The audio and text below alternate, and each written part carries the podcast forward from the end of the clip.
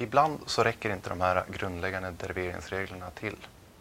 Och det är onödigt att skapa nya regler för samma typ av funktion. Så därför strävar vi efter att skriva om den funktionen så att den ser ut som någonting av de här grundläggande reglerna. Och då finns det en, en regel som hjälper oss sen att derivera och den kallas för kedjeregeln. Kedjeregeln ser ut som så att vi har dy dx, vilket var derivatan av y med avseende på variabel x. Det vill säga vi tittar på hur förändras funktion y när variabel x ändrar sig. dy dx är då lika med dy du. Så att vi har bytt variabel att titta på. Och sen multiplicerar vi med du dx. Så vi tittar på hur den nya variabeln förändras när x förändras. Så vi skulle kunna säga att från början så har vi en funktion y som är beroende av x. Men i den här funktionen så finns det någonting som vi skulle kunna ersätta med så att funktionen blir mer likt en av de här grundreglerna. Och det avsnittet skulle vi kunna kalla för u.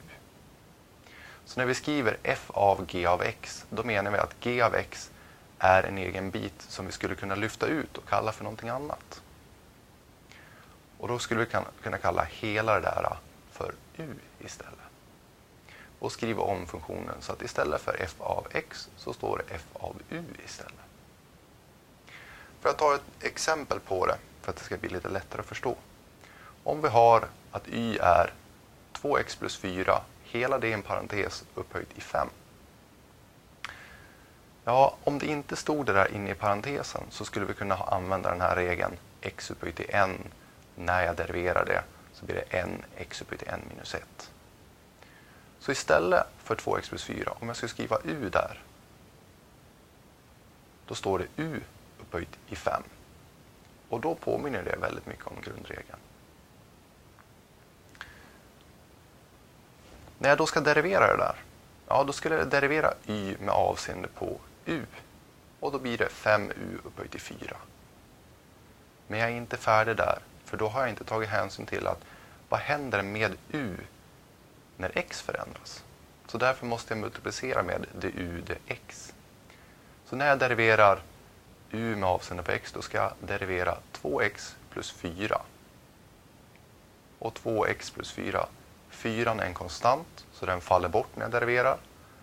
Och 2x det är 2x upphöjt till 1, så när jag deriverar så blir den bara 2. Vilket innebär att vi kan skriva hela som 5u upphöjt till 4 gånger 2. Men jag är inte färdig där heller. För att om jag började med variabel x, då måste jag ha variabel x i slutändan också. Så därför skriver vi in istället för u det som u var, 2x plus 4. Då får vi 5 gånger en parentes, 2x plus 4 upphöjt till 4 gånger 2. Och sen flyttar vi om så att vi får eh, 5 gånger 2 som är 10.